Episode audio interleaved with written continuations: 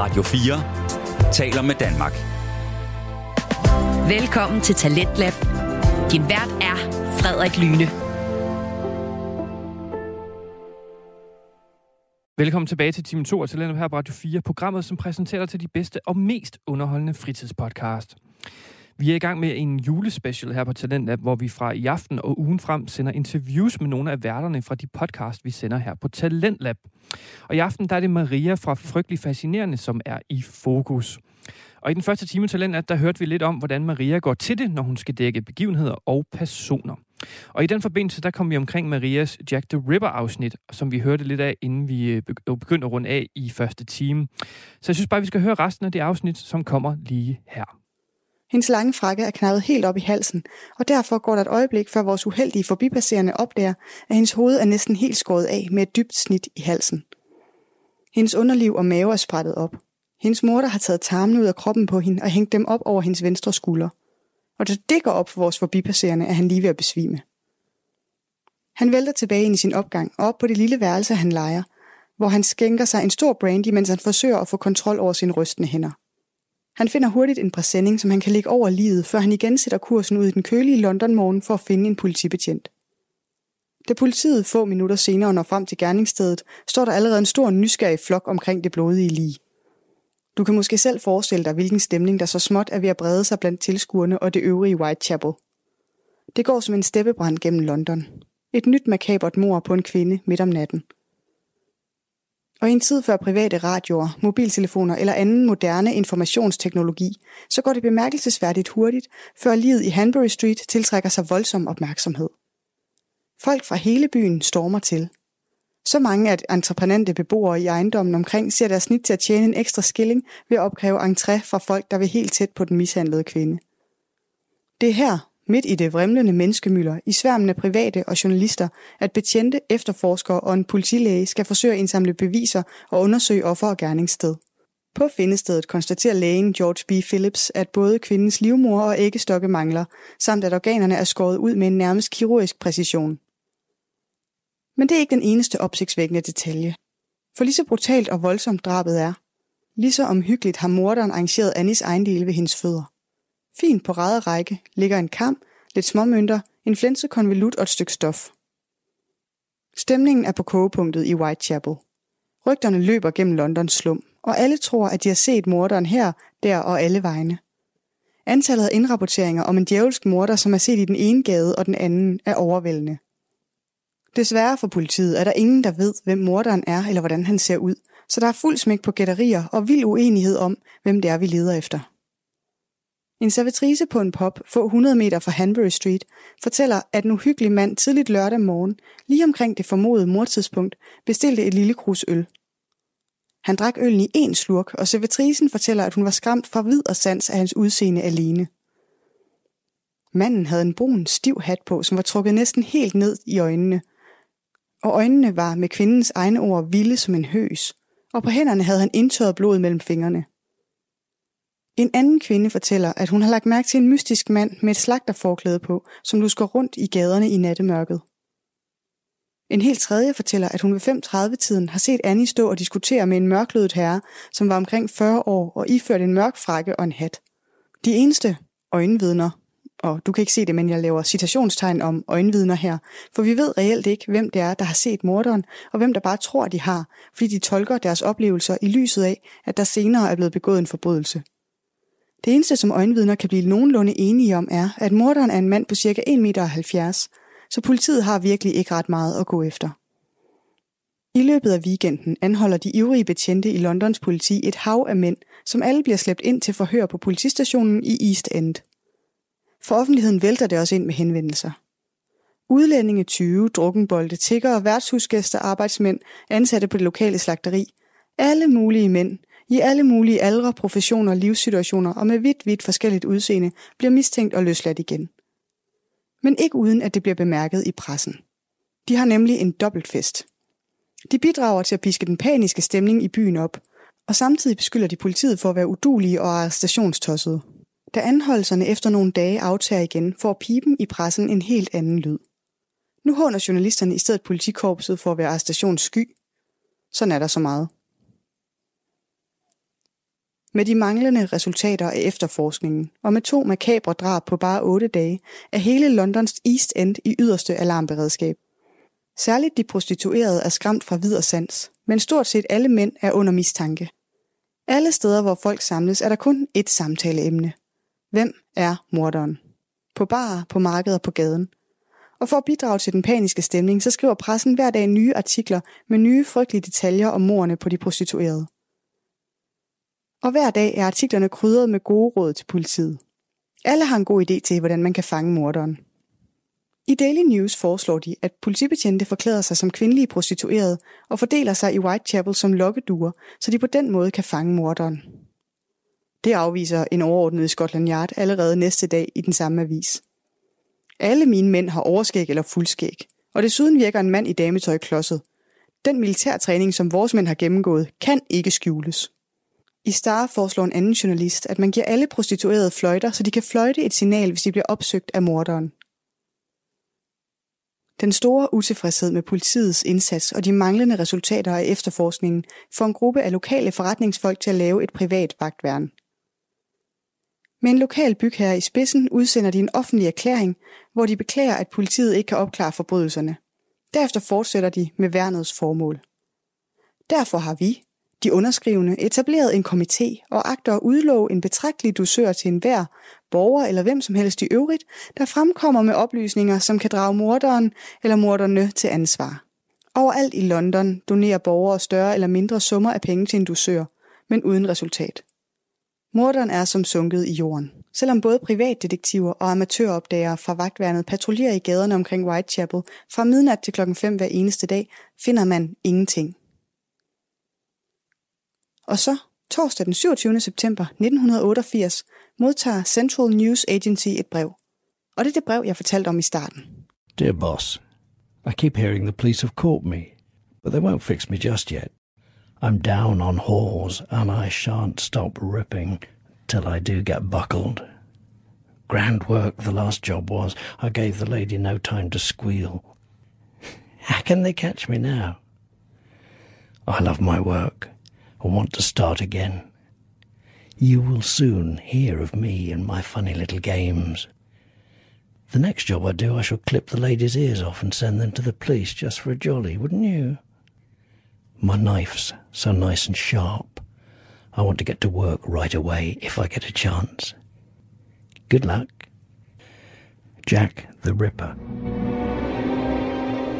Det er første gang, den mystiske morder giver sig til kende. Og selvom morerne i forvejen er forsidestof i de fleste aviser, så får de alligevel et helt nyt niveau af opmærksomhed efter brevet. Det er skrevet med blodrødt blæk, og så giver det for første gang en idé om motivet. Og hvad mere er, brevskriveren har ifølge politiet oplysninger, som det kun er morderen og politiet, der kender til. Jeg kan ikke fordrage luder, og jeg holder ikke op med at sprætte dem op, før jeg bliver fanget. De vil snart komme til at høre om mig og mine morsomme små lege. Min kniv er dejlig skarp, skriver ham, som underskriver brevet Jack the Ripper. Og det er et navn, som aldrig bliver glemt. Og måske er det i virkeligheden også det, som gør drabene til en af de mest berømte uopklarede sager nogensinde. Klokken 1 om natten, søndag den 30. september. Gennem Whitechapels dårligt oplyste brostensbelagte gader kommer Louis Dimschuls skramlende i sin ponytrukne vogn. Louis er smykkesælger, og han skal gennem Whitechapel for at komme hjem. Lige som han skal til at dreje om hjørnet og ind på gårdspladsen, hvor han bor, stejler hans lille pony, så hans vogn trimler sidelæns. Han når lige at tage fra, så han ikke knaller hovedet mod brostenene. Forvirret over, hvorfor den lille hest reagerer på den måde, kravler han ud fra sin vogn. Han føler sig frem i halvmørket ved at bruge sin pisk som en stok, indtil han mærker noget blødt. I mørket kan han ikke se, hvad det er, han er stødt imod. Så han finder sin æske med tændstikker frem og tænder en. Med det lille lys kan han se konturerne af en kvinde, der ligger helt stille på stenene. Ansigtet er drejet ind mod gårdmuren. Umiddelbart kan vores smykkesælger ikke se, om kvinden er død, fuld eller bevidstløs. Med bankende hjerte skynder han sig op på sit værelse efter et lys. Hurtigt kan han se, at kvinden er død. I det flakkende lys bliver det tydeligt. Kvindens hals er skåret over. Der flyder ret meget blod fra såret og ned på kvindens tøj og brostenene. Louis mærker på kvindens ansigt, og hun er stadig varm. Han løber straks afsted for at tilkalde hjælp. Den dræbte kvinde er den 44-årige Elizabeth Stride. Hun er svensk født og arbejder som prostitueret, og hun er kendt under kælenavnet Longless. Allerede kl. 01.30, omkring en halv time efter at Louis finder hende, er politilægen George Phillips på gerningsstedet og undersøger den dræbte Elizabeth Stride. Han konkluderer, at dødsårsagen er den overskårende hals. Morderen har skåret både halspulsåren og luftrøret over med en lang, skarp kniv med et enkelt dybt snit. Snittet er meget lige det, som vi tre uger tidligere har set i halsen på den myrdede Annie Chapman. Råb om endnu et mor fylder gaderne.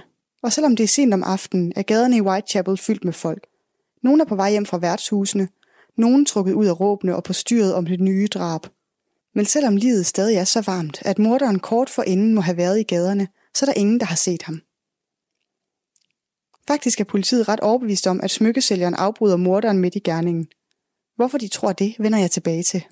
I 1980'erne er det ikke fordi politiet har alle mulige værktøjer til rådighed, der kan hjælpe dem med efterforskningen. Glem alt om DNA, fingeraftryk, tekniske beviser og den slags. Men til Ripper-sagen tager de faktisk et nyt redskab i brug. De er ret desperate. Det er virkelig en alvorlig sag. Hele Whitechapel og store dele af London er grebet af panik. Folk tør ikke gå ud, når det er mørkt, og politiet har ikke ret meget at gå efter. Så derfor eksperimenterer de med noget nyt. Gerningsmandsprofilen. Du kender det nok. Den teknik, hvor politiet udvikler en beskrivelse af gerningsmanden, som er baseret på alle de detaljer, de kender om sagen, om offrene og om drabsmetoden. For siden er gerningsmandsprofilen blevet en ret udbredt teknik i mor efterforskninger. Den erfarne retsmediciner Thomas Bond, som har obduceret det femte Ripper-offer, Mary Kelly, han laver i november 1888 en sammenligning af mordet på Mary Kelly med de fire tidligere mor. En slags komparativ analyse. Han kortlægger ligheder, han noterer sig forskelle. Han samler til bunke. Og på den baggrund forsøger han at beskrive den usædvanlige gerningsmand. Ifølge Thomas Bond er morderen en ensom og frygtløs mand med en stor fysisk styrke, samt omfattende periodiske anfald af morderisk og erotisk mani. Formentlig er Jack the Ripper midalderne og altid iført rent og pænt tøj. Og så er han sandsynligvis uden fast arbejde. Han tjener sine penge gennem diverse småindtægter eller en pension, og bor givetvis blandt respektable personer, der har en mistanke om, at noget er galt med hans psyke, men som ikke tør stå frem med deres viden af frygt for repressalier. Sådan står der altså i den rapport og profil, som Thomas Bond laver over sit arbejde med sammenligningerne. Og så er der det med knivene. Morderen er vant til at håndtere knive. Det kan man se på de skader, som offrene har. Så mange af de politifolk, der arbejder med sagen, mener, at han må være læge eller slagter. Sådan er det altså i slutningen af 1800-tallet. Der har de to professioner en del mere til fælles, end de har i dag. Men det er Thomas Bond uenig i. I sin gerningsmandsprofil skriver han, efter min overbevisning ejer manden ikke en slagters tekniske viden. Mens morerne står på, og i årene efter har politiet alle mulige mistænkte i søgelyset. Men Jack the Ripper bliver aldrig fundet.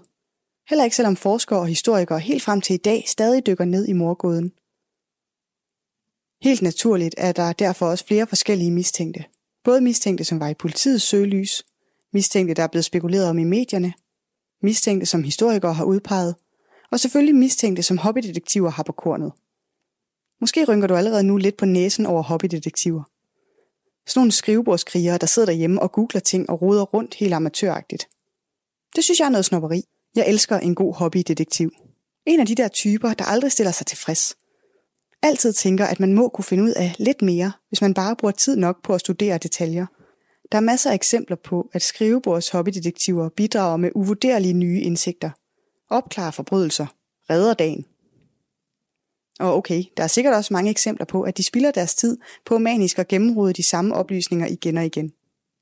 Måske bruger jeg selv nogle gange meget tid på at google ting. Måske føler jeg nogle gange, at det er en slags rigtigt bidrag til verden. Måske håber jeg bare, at der en dag kommer et eller andet ægte ud af det. Måske det er derfor, jeg sådan elsker hobbydetektiver. Men min holdning står altså stadig. Ingen grund til at snoppe over fixerede nørder. Altså, her kommer nogle af dem, som gennem tiden har været mistænkt for at være Jack the Ripper. En af de hovedmistænkte hos Londons politi er en polsk indvandrer. Aaron Kosminski. Han arbejder som barber i Whitechapel, og det er en hård tilværelse. Han er fattig, og han har ikke ret meget familie. Han er endt i London, efter hans familie først forlod Polen for at bo i Tyskland, og derefter kom til den engelske storby. Da morerne fandt sted, var han 23 år og led af en alvorlig sindssygdom – i dag vil man nok have diagnostiseret ham med skizofreni. I 2014 udgav forfatteren Russell Edwards bogen Naming the Ripper, hvor han mente at have fundet bevis for, at det var netop den polske barber Kosminski, der begik de fem frygtelige mor i Whitechapel. Blandt andet gennem DNA-analyser af et sjæl fra et af gerningsstederne, mente forfatteren, at morderen endelig var fundet. Teknikkerne i analysen og klarheden af resultaterne er dog blevet kritiseret fra flere sider. Men det er et af de mest lovende forsøg på at opklare forbrydelsen i nyere tid. En anden populær mistænkt er kunstmaleren Walter Strickett, som i flere omgange var i søgelyset. Senest i 2002, da den amerikanske krimiforfatter Patricia Cornwell i værket Portræt af en morder efterforskede Ripper-morderne. På baggrund af DNA-analyser fra gamle breve vil hun bevise, at sikkert var morderen. Mange DNA-eksperter har dog sat spørgsmålstegn ved hendes resultater. Det er svært med det der, når der er gået så mange år. Men nu skal vi altså tilbage til 1888. For vi efterlod Whitechapel med et mor og en kvinde, der ikke engang var blevet kold, før hun blev fundet af en forbipasserende. Så hendes morter kan ikke være noget langt væk. Og alligevel er han som sunket i jorden. Som sunket i jorden. Ikke ægte sunket i jorden. Og politiet finder hurtigt ud af, hvor han er forsvundet hen. For cirka tre kvarter efter Elizabeth Stride bliver slået ihjel, finder en politibetjent det fjerde offer. På Metro Square der er en lille og dårligt oplyst plads omgivet af store pakhuse. En betjent er ude at gå sin normale natterunde. Med sin lygte går han rundt i kvarteret, og da han i nat når til det sydvestlige hjørne af Metro Square, ser han konturerne af en kvinde. Hun ligger på ryggen på jorden, og omkring hende er der en stor blodpøl. Han går tættere på, løfter lygten for bedre at kunne se, og så får han et chok. For kvinden er død, det er han ikke et øjeblik i tvivl om. Ansigtet er vandsiret af dybe snit. Halsen er skåret over i et dybt gabende sår. Underlivet er sprættet op i et snit, der går hele vejen op til brystbenet. Indvoldene hænger op over kvindens højre skulder. Catherine Eddowes bliver Jack the Rippers fjerde offer, og hun bliver slået ihjel kun få minutter efter Elizabeth Stride. Det er man helt sikker på, for Catherine hun er lige blevet løsladt fra politiets varetægt, og hun er set af et vidne i live kl. 1.30.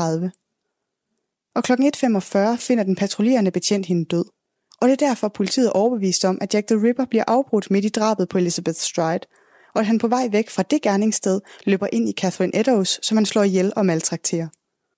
Da det bliver morgen den 30. september, er Londons Whitechapel ved at koge over af vrede og frygt.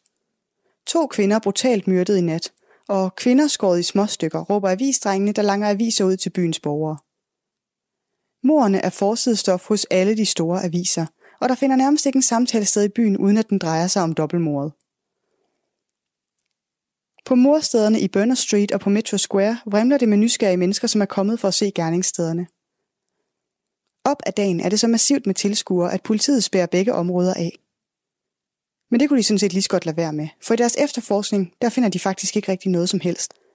Ingen blodige fodspor, intet efterladt våben, ikke noget, der kan pege dem i retning af en mulig gerningsmand. De laver en frygtelig masse vidneafhøringer, og selvom det lykkes betjentene at opspore personer, som de mener må have fået et glimt af morderen, så er beskrivelserne så flyvske og forskellige, at de enten kan passe på hvem som helst, eller mere er en beskrivelse af et fantasimonster end et menneske. Ved obduktionen af Catherine Eddowes opdager lægerne, at den skamferede kvinde har fået fjernet sin ene nyre. Men på gerningsstedet kan de ikke finde den udskårne nyre. Måske kan du huske, at nogle af de lokale erhvervsdrivende etablerer et privat vagtværn, og det betyder ikke som sådan vildt meget for efterforskningsarbejdet, for de finder aldrig noget, der hjælper politiet med deres arbejde. Men det betyder ikke, at de går fuldstændig under radaren. For frontpersonen for vagtværnet, George Lusk, modtager et brev den 16. oktober 1888. Og i det brev er netop den nyre, som politiet ikke kunne finde på gerningsstedet. Eller halvdelen af den i hvert fald. I det tilhørende brev, som afsenderen har givet titlen From Hell, skriver han, at nyren tilhører Catherine Eddowes – og at han har spist den anden halvdel. Den smagte virkelig godt, skriver han, og afslutter sit brev med, fang mig, hvis I kan. Og så går dagene og ugerne. Ingen nye mor. Panikken i byen lægger sig. Folk vender så småt tilbage til en normal hverdag i Whitechapel. Frygten aftager, og indbyggerne ånder lettet op. Måske har Jack the Ripper begået sin sidste forbrydelse. Men så, fredag den 9. november 1888, viser det sig, at det ikke er helt slut endnu. Mary Kelly er 25 år gammel. Hun er mørkhåret, timeglasformet og konventionelt smuk. På gaden har hun ikke nogen problemer med at få kunder, og derfor har hun råd til bedre boligforhold end mange andre. Mange prostituerede lejede værelser eller senge per nat, og er derfor de facto hjemløse igen hver eneste dag. Kelly har lejet sit eget værelse i en ejendom i Millers Court 13, og det er her, hun bor, og også her, hun betjener sine kunder. Men som de fleste andre i Whitechapel, så kan hun godt lide at få noget at drikke. I et område, hvor der er meget ulykke og få glæder, er alkohol en af de ting, som mange finder deres hverdagsglæde i. Når hun har drukket, så kan det godt ske, at hun glemmer at betale sin husleje. Og det er netop det, som er tilfældet den 9. november 1888. Om formiddagen banker Kellys udlejer Thomas Bauer på hendes dør for at græsse gælden ind. Hun skylder et pund og en shilling. En ikke ubetydelig mængde penge i slutningen af 1800-tallet. Da Kelly ikke svarer på hans banken på døren, kigger han i stedet ind af vinduet, og i halvmørket indenfor kan han se Mary Kelly ligge nøgen på sengen, fuldstændig smurt ind i blod. De første fire mor blev begået i byens gader. Et risikabelt gerningssted. Der skal en vis fart på. Der er altid en risiko for, at der kommer nogen forbi. Det femte og sidste offer, Mary Kelly, blev slået ihjel i sin seng. Indenfor, hvor der er god tid. Både drabsbetjente, retslæger og efterforskere er som bekendt ikke sarte typer. De har set et og andet gennem deres arbejdsliv. Alligevel er det syn, de står overfor, chokerende. Mary Kelly er ikke bare blevet myrdet. Hun er blevet lemlæstet og skåret i, så hun knap nok ligner et menneske. Halsen er skåret op fra øre til øre. Maven og underlivet er sprættet op. Morderen har fjernet stort set hver eneste af hendes organer. Han har amputeret hendes bryster og anbragt dem ved siden af hendes lever på kanten af sengen. Øre og næse er skåret af. Huden i ansigtet er skrællet væk og spredt ud over både seng og bord. En betjent beskriver det på den måde, at hun er parteret som et dyr hos slagteren. Det tager et hold af Englands mest erfarne retsmedicinere syv timer at obducere Mary Kelly og samle livet, så det kan begraves. Ved ligesynet slår eksperter fast, at der er tale om et overlagt mor begået af en ukendt person. Hverken læger, politi eller presse er det mindste i tvivl om, at den ukendte person er Jack the Ripper. Så nu har den ukendte seriemorder med det catchy navn altså fem liv på samvittigheden. Måske endnu flere. Det virker på en måde ikke sandsynligt, at det brutale mor på Mary Ann Nichols skulle være det første drab, han begår. Men så sker der noget mærkeligt. For efter nedslagningen af det sidste offer, Mary Kelly, så hører man aldrig mere fra Jack the Ripper. Ikke flere breve, ikke flere spor, ikke flere ofre. I overvis forsøger politiet at opklare forbrydelserne og indkredse gerningsmanden. Der er lige så mange spekulationer og gætterier, som der er ægte kendskærninger. Og med tiden falmer interessen og frygten.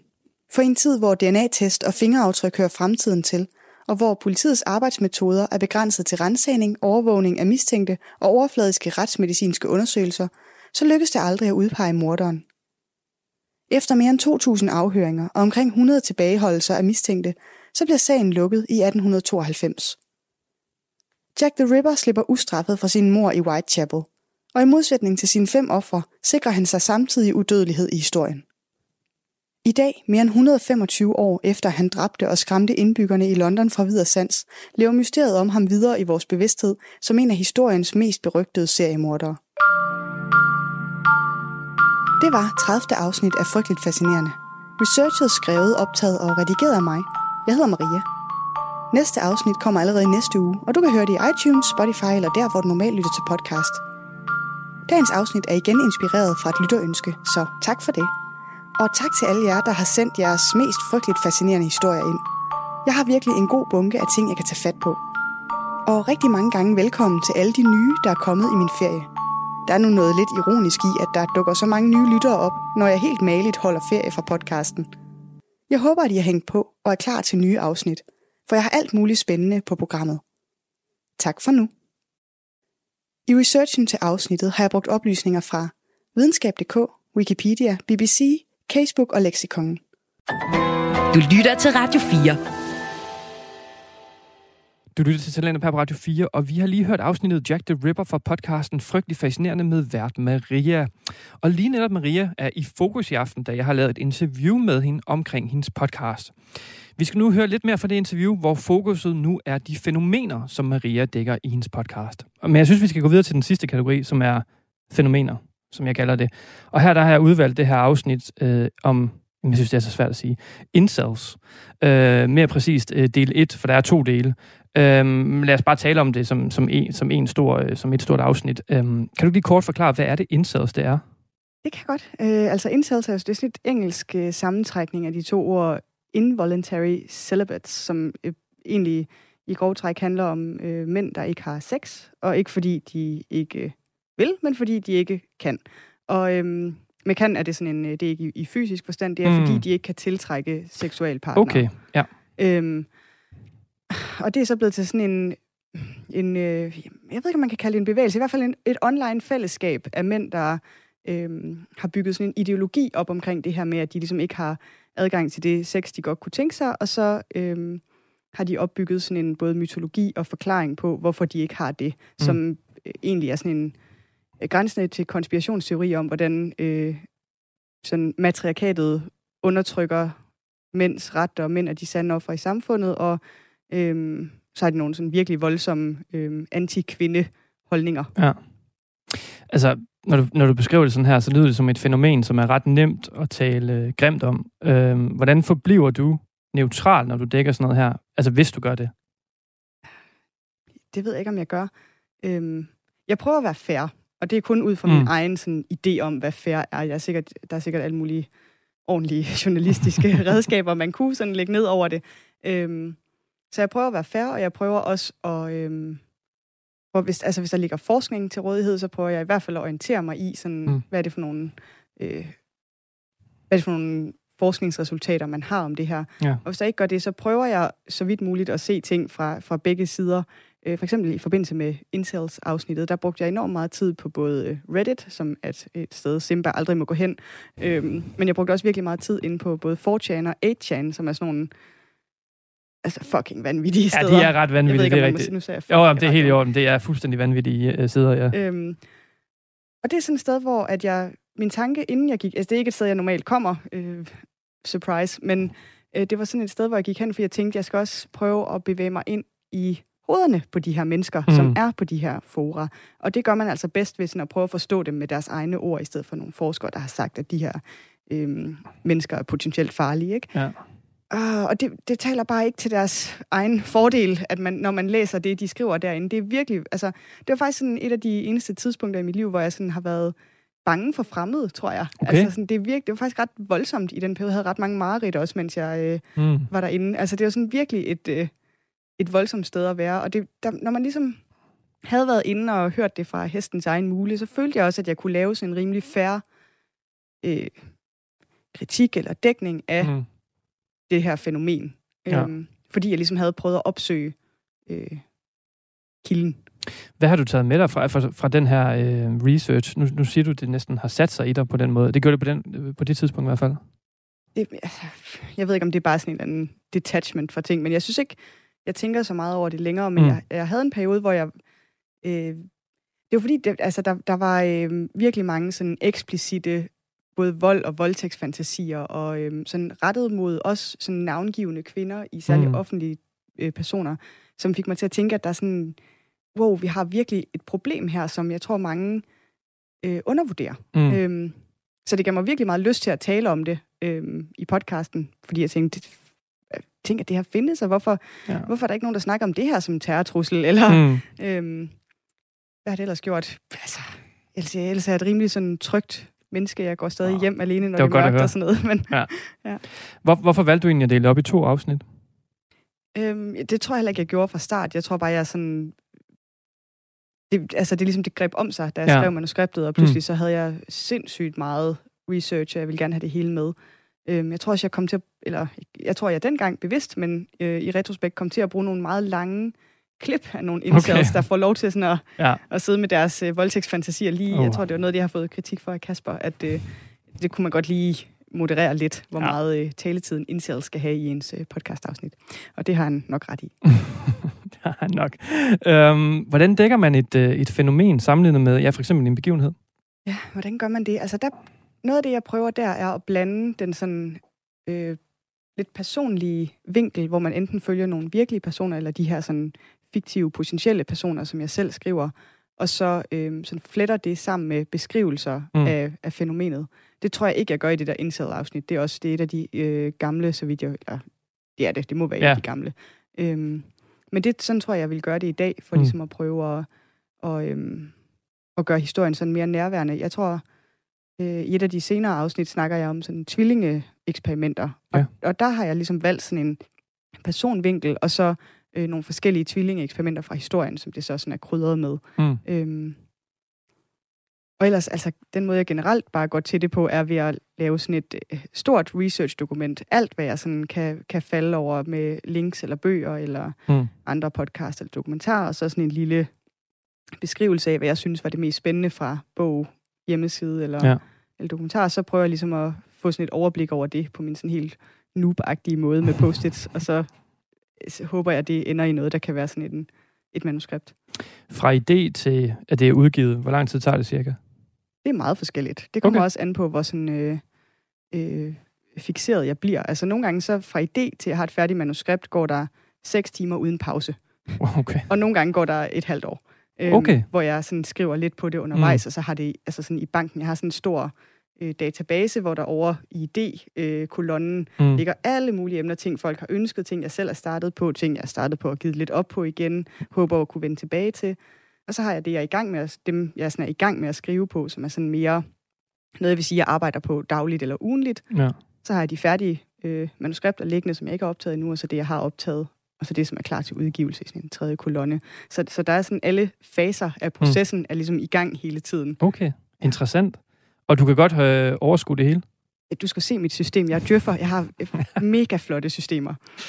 Åh, oh, ja, ja. Altså, jeg kan slet ikke uh, sætte mig ind i det der. Det lyder helt, uh, helt vanvittigt. Det er farvekoordineret. Der er små tags Jamen, og billeder er og sådan det, noget. Selvfølgelig er det det. Jeg kunne godt tænke mig at vide, altså, hvordan kan, hvis vi kigger på et, der tager et, et, et halvt år for eksempel, hvordan kan det være, at det tager så lang tid? Hvorfor er det, det, det, det bliver færdigt noget hurtigere? Jamen, tit tror jeg, det er fordi, jeg egentlig ikke har det der sådan... Øh, altså, jeg har også prøvet sådan at lære øh, at bruge sådan en ved, aktantmodellen, for eksempel. Eller Ja. sådan, altså, prøve ligesom at blive bedre til at forstå, hvornår noget fungerer, og hvornår det ikke gør. Mm. Og det tror jeg bare stadig, jeg sådan døber lidt rundt i. Så nogle gange, så skriver jeg på noget, og jeg er bare sådan, det er bare fucking dårligt. altså, det er bare ikke, og, og det er altså med min øh, standard, jeg er ikke et perfektionistisk menneske, så det er, hvis jeg synes, det er dårligt, er det som regel i hvert fald under middel. Okay. Øhm, så, så, øh, så ender det ligesom lidt i skammekrogen, indtil jeg kan mønstre en eller anden god idé til, hvordan ja. man kan fortælle det bedre. Okay, interessant.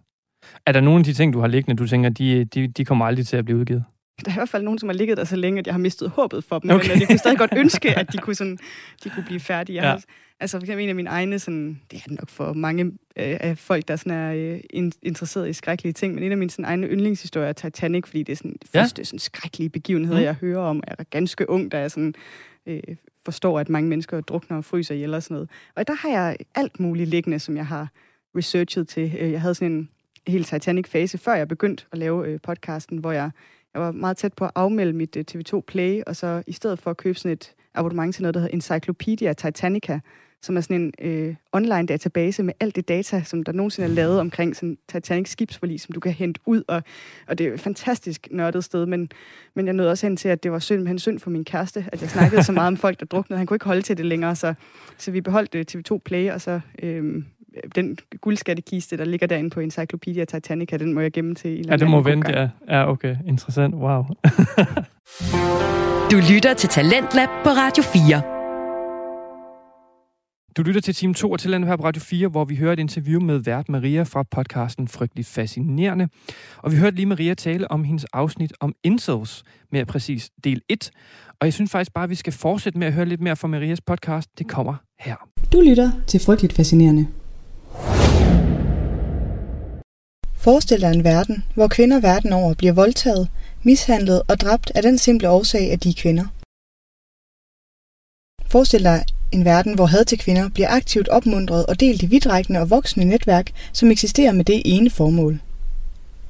Forestil dig, at had til kvinder blandes med racisme, hvor luder bliver bebrejdet for tilsmusning af rene blodlinjer, og indvandrere bebrejdes for at vælte ind over grænserne og stjæle den dehumaniserede hvide kvinde fra hendes retmæssige ejere.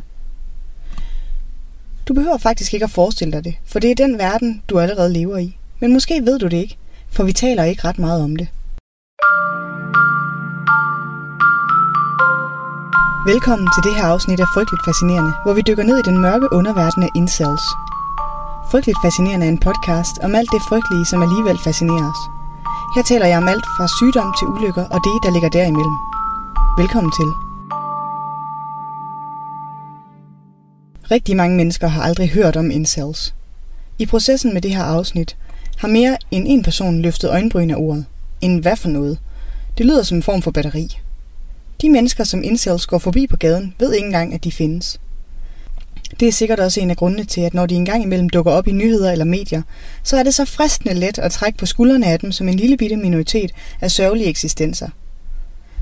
Det man hører om dem lyder så bizart og så ekstremt, at det er svært at tro på. Grinagtigt nærmest.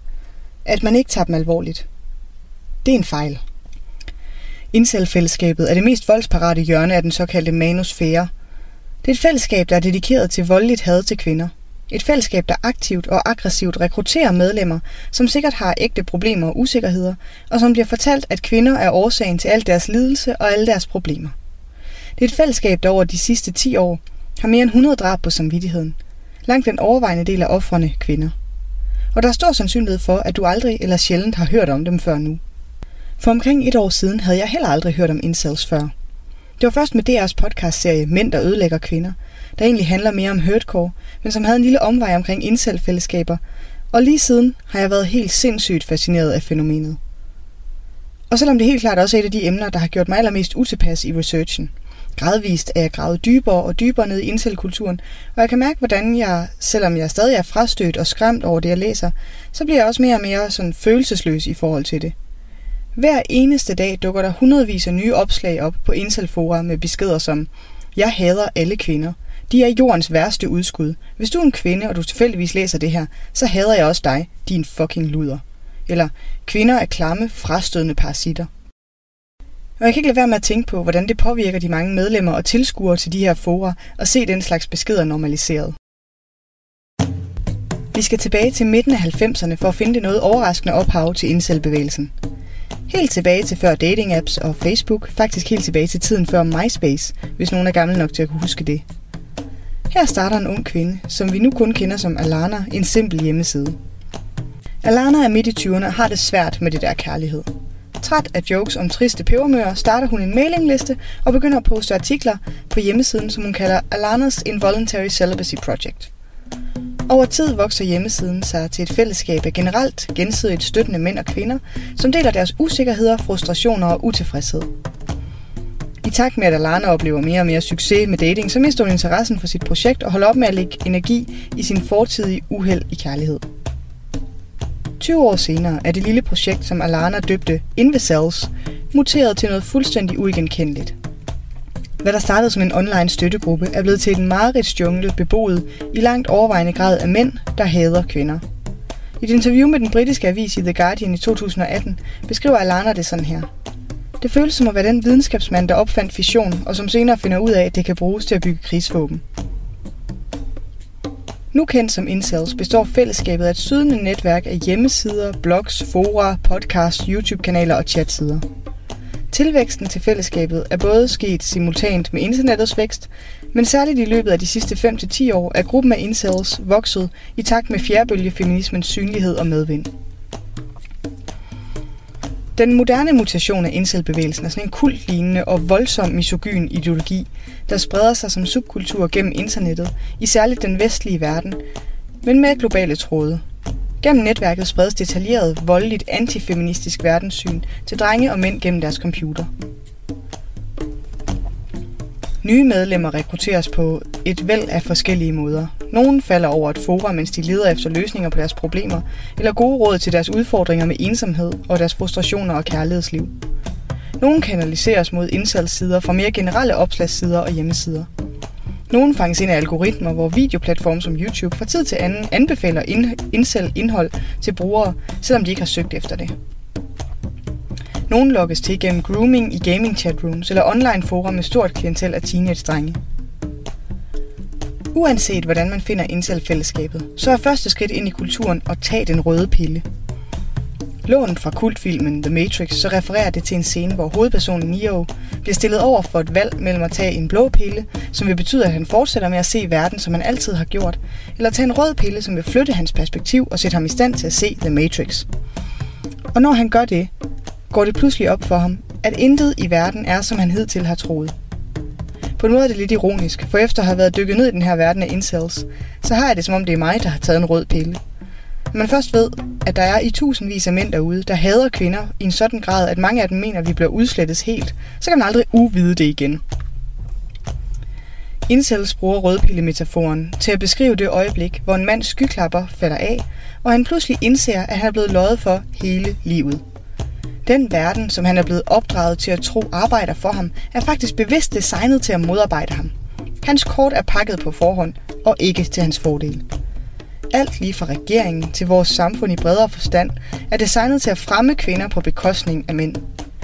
Incels taler om den mandehadende verdensorden som et gynokrasi, et snedigt system designet til at holde mænd, de sande ofre for undertrykkelsen, i deres undertrykte tilstand, uden at de overhovedet opdager det selv. Metaforen om den røde pille er et stærkt og dramatisk måde at sælge sit budskab på. Har du mistet dit job? Hvad kunne være mere tiltalende end et nyt verdensbillede, hvor det faktisk slet ikke er din skyld? Du er i virkeligheden offer for et magtsygt komplot, hvor kvinder aktivt arbejder for at tage alt det fra dig, som du har arbejdet for. Er du blevet dumpet eller skilt? Den løgnagtige luder er i virkeligheden en del af et større angreb på dig og mænd som dig. Træt af ikke at have kærlighed? Problemet er ikke dig, det er hende. Hver eneste hende i hele verden, faktisk. De små hverdagskvaler, som mænd og drenge kan stå over for, spændes ind i en større historiefortælling om indselfællesskaber, som vidnesbyrd om den forestående feministiske, mandehadende verden, og om det nødvendige, som det er nødvendigt at kæmpe imod. Indselbevægelsen vender narrativer om privilegier og ofre på hovedet, og fortæller drenge og mænd, at de lider, og at det er kvinders skyld. Rigtig mange mænd har selvfølgelig helt reelle og virkelig alvorlige problemer. Selvmordsraten blandt mænd er tre gange så høj som selvmordsraten for kvinder – det er meget mindre sandsynligt, at mænd med mentale problemer får den hjælp og støtte, som de har brug for. Mænd rammes i langt højere grad på psyken, når de mister deres job eller bliver fysisk skadet, på grund af samfundsmæssige forventninger til dem som forsørgere. Og her rammer vi lige ned i kernen af problematikken ved manusfæren generelt, og indselbevægelsen i særdeleshed. Dens kompleksitet og dens hjerteskærende ironi. Som vi kommer til at høre, så omfatter manusfæren komplekse spindelvæv af fora, både velmenende støttegrupper, som forsøger at takle nogle af de problemer, som påvirker mænd, men det spænder helt over til grupper, der aktivt og aggressivt promoverer had til og vold mod kvinder. Medlemmerne er også en helt vildt broget skare, der spænder fra naive teenager til fortalere for legalisering af voldtægt. Fra sårbare eneboere til voldelige misogynister, ikke voldelige idealister til sørgende fædre, online chikanter til offline stalkere. Det er tydeligt, at ikke alle, som indgår i de her netværk og besøger de her fora, skal have samme label. Og netop her ligger også fællesskabets sorteste ironi. Gruppen i den ene ende af spektret er ansvarlig for en stor del af den skade, som gruppen i den anden ende bliver udsat for. Dem, der er mest magtfulde og som forstærker rigide, patriarkalske idealer og traditionelle kønsroller, kvæler langsomt dem, der så desperat har brug for at slippe fri af dem. Overfladiske analyser af indselbevægelsen har antydet, at klasse er den største faktor, som driver nye rekrutter ind i fællesskabet. Det antyder, at der er tale om fattige, hvide unge mænd, som er faldet bagud. Andre har talt om, at det hele handler om forskydninger på arbejdsmarkedet. At der mangler ufaglærte jobs, og at kvinder i langt højere grad end tidligere er på arbejdsmarkedet. I min research af de her fora er det tydeligt, at billedet er langt mere nuanceret end det.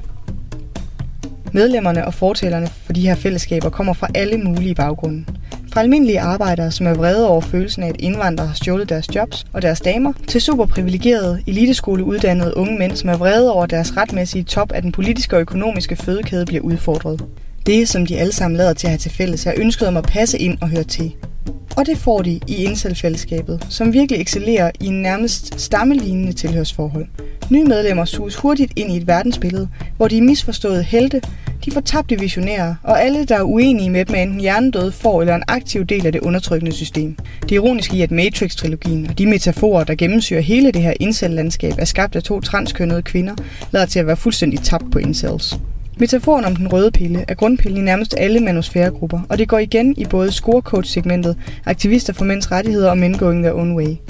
Men efter at man har taget den røde pille, bevæger de forskellige grupperinger sig i dramatisk forskellige retninger. For incels er det alt overskyggende et ekstremt fokus på sex og vreden over at blive nægtet sex. Et fællesskab af mænd i 10.000 vis, der taler om, hvordan verden og individuelle kvinder i verden nægter dem den basale rettighed, det er for enhver mand at have sex med kvinder. Vi taler online samtaler i tusindvis, hvor mænd bruger endeløse timer på at tale om deres ikke eksisterende sexliv, sideløbende med lange klagesange om, at kvinder er onde, undermenneskelige beholdere. Paradoxalt nok er der aldrig nogen, der taler om, at deres kvindehed stammer fra deres mangel på datingmæssig succes. Hvis man så meget som foreslår den mulighed, så bliver man udelukket fra fællesskabet. Incels ser dem selv som uskyldige og tragiske ofre for et mørkt, postapokalyptisk samfund, hvor alle odds er imod dem. Det første, man ser, når man undersøger de her grupper, er den benhårde blanding af håbløshed og vrede. De her mænd har virkelig ondt af sig selv, men de vemmes også ved deres roller i samfundet, og det de har eller nærmere ikke har opnået. Men samtidig føler de også, at de i virkeligheden bør høre til i toppen. De føler sig grundlæggende berettiget til alt det, de ikke har. Den stærke følelse af at gennemskue samfundets uretfærdigheder, og deres stærke følelse af at gå glip af, mangle og være udenfor, er en bizarre, men virkelig magtfuld cocktail. Besøg en hvilken som helst incel hjemmeside, og du bliver lynhurtigt indoktrineret ind i, at overfladiske selvoptaget, grådige og løsagtige kvinder er fjenden. Kvinder er konstant sultne efter sex, men de vælger kun at have sex med en lille gruppe af de fysisk mest attraktive mænd. Incels er besatte af det, de kalder 80-20-teorien. Det her er faktisk ret interessant. I min research af indselbevægelsen, så falder jeg hele tiden over de her små pseudovidenskabelige greb i deres strategi, argumentation og rekruttering. De adopterer sådan små principper fra videnskab og forskning, og så Frankensteiner de det sammen til deres egne små beviser for deres verdensbillede. Måske kender du allerede 80-20-reglen eller Pareto-princippet fra andre steder. Mange taler om det i forbindelse med produktivitet. 80% af resultatet kommer fra 20% af arbejdet, eller fra virksomhedsdrift, hvor 80% af indtjeningen kommer fra 20% af de vigtigste kunder, som det blev populariseret i Tim Ferriss' The 4-Hour Workweek. Det er et hjerneredskab til at zoome ind på det vigtigste og lægge fokus der. Det stammer vist nok fra den italienske økonom Vilfredo Pareto, og hans undersøgelser af landbesiddelser i Italien i slutningen af 1800-tallet, som viste, at 80% af landet var ejet af 20% af borgerne. Anyway, Incels 80-20-teori går ud på, at de 20% mest attraktive individer nyder 80% af sexen i vores samfund. Ja, altså det er teorien. Det er ikke engang noget, jeg finder på for at understrege en pointe. Teorien er en beklagelse af, at den almindelige unge mand har alle odds imod sig på den seksuelle markedsplads. Kvinderne har al kontrollen. De tror på, at når kvinder vælger deres sexpartner, så er udseendet langt vigtigere end alle andre egenskaber. Er du uheldig nok til at være født grim, lav, skaldet, ikke hvid, bumset, med skæve tænder eller med enhver anden skønhedsfejl, så er du dømt til et liv fyldt med uretfærdige seksuelle frustrationer. Unge kvinder anklages for at knalde løs med uanede mængder af sindssygt attraktive mænd, før de gifter sig med mindre attraktive mænd, som de slet ikke elsker ordentligt og som de kun udnytter for penge. De her mænd, som har fået det nedladende kælenavn Betacox, bliver set ned på, fordi de er tvunget til at bruge deres penge på en kvinde, som ikke længere er jomfru og dermed brugt og seksuelt værdiløs. I incelgrupper hedder den her strategi Alpha Fox Beta Box. Alle de her fysiske mangler, som indselbevægelsen er sindssygt optaget af, er så prominent til stede i deres bevidsthed, at det har skabt grobund for et væld af incel subkulturer. Du kan fx være en height cell, hvis du er for lav en ginger cell, hvis du er rødhåret, en bald cell, hvis du er skaldet, en skull cell, hvis du har uheldige ansigtstræk, endda en wrist cell, hvis omkredsen på dine håndled er for små. Incels har også et helt ekstremt fokus på racestereotyper med curry cell, black cell, rice cell og ethnic cell for asiatiske, sorte eller indiske medlemmer. På en måde kan det få det til at se ud, som om der er sådan et lidt overraskende fokus på racemæssig diskrimination i fællesskabet. Men der er helt forsvindende få etniske minoriteter i de her fællesskaber – som faktisk taler om, at de oplever, at deres hudfarve har, eller oprindelse har været årsag til seksuelle afvisninger. Det er oftest hvide medlemmer af fællesskabet, som bruger de her markader til at understrege deres racistiske antagelser om, at mænd, der ikke er hvide, er underlegne. Når man kigger på de her incel-fællesskaber, så består de i langt overvejende grad af hvide, uddannede, IT-kyndige mænd. Mange af dem med forbindelser tilbage til den yderste højrefløj, og så er det altså nærmest kun mænd. Netop forbindelsen til den yderste højrefløj er værd at holde fast i et øjeblik – for den er vigtig for at forstå begge grupper. Det ekstreme højre, med sine løst forbundne grupperinger af små bevægelser, ledere og online-fællesskaber dedikeret til racistiske og nationalistiske verdensbilleder, som bobler op verden over, har overraskende mange ting til fælles med incels.